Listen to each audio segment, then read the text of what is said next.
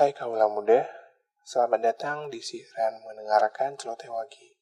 Selama beberapa menit ke depan, saya akan menemani waktu kalian dengan beberapa info terpercaya dan juga celoteh. Tentunya bersama saya Wagi.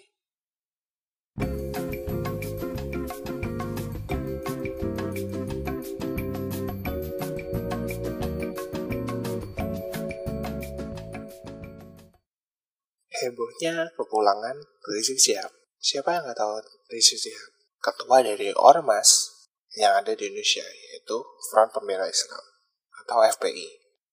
Setelah tiga setengah tahun di Arab, pulangnya Rizik mengundang animo orang banyak, terutama para anggota FPI yang menyebutnya di Bandara Soekarno-Hatta.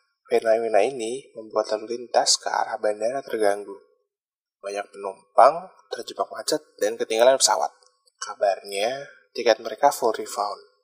Semoga ya.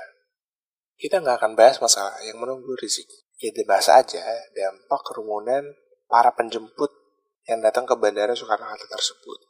Dan kemungkinan klaster baru coronavirus akibat hal tersebut. Kebayang nggak sih? Orang sebanyak itu di suatu tempat berkumpul, tidak berjarak, dan satu, dua, tiga atau empat orang positif coronavirus. Apa yang akan terjadi? But anyway, masih ada gegap gempita hari pahlawan kan kamu muda? Pahlawan favorit kalian siapa nih? Kalau saya, favorit saya adalah Dr. Cipto Mangunkusumo. Pahlawan yang namanya diabadikan menjadi nama rumah sakit rujukan utama di Indonesia. Kalau muda tahu nggak kalau beliau, Dr. Cipto Mangunkusumo ini adalah pribumi yang dulu zaman Belanda punya privilege untuk sekolah dokter.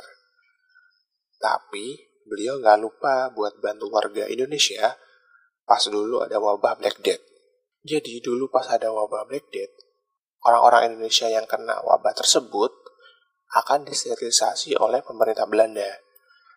Dan warga-warga miskinnya akan langsung dikarantina, sedangkan rumahnya langsung dibakar. Warga-warga miskin ini pasti akan sangat susah mendapatkan fasilitas medis pada waktu itu. Nah, salah satu inisiator yang menolong warga miskin ini adalah Dr. Cipto.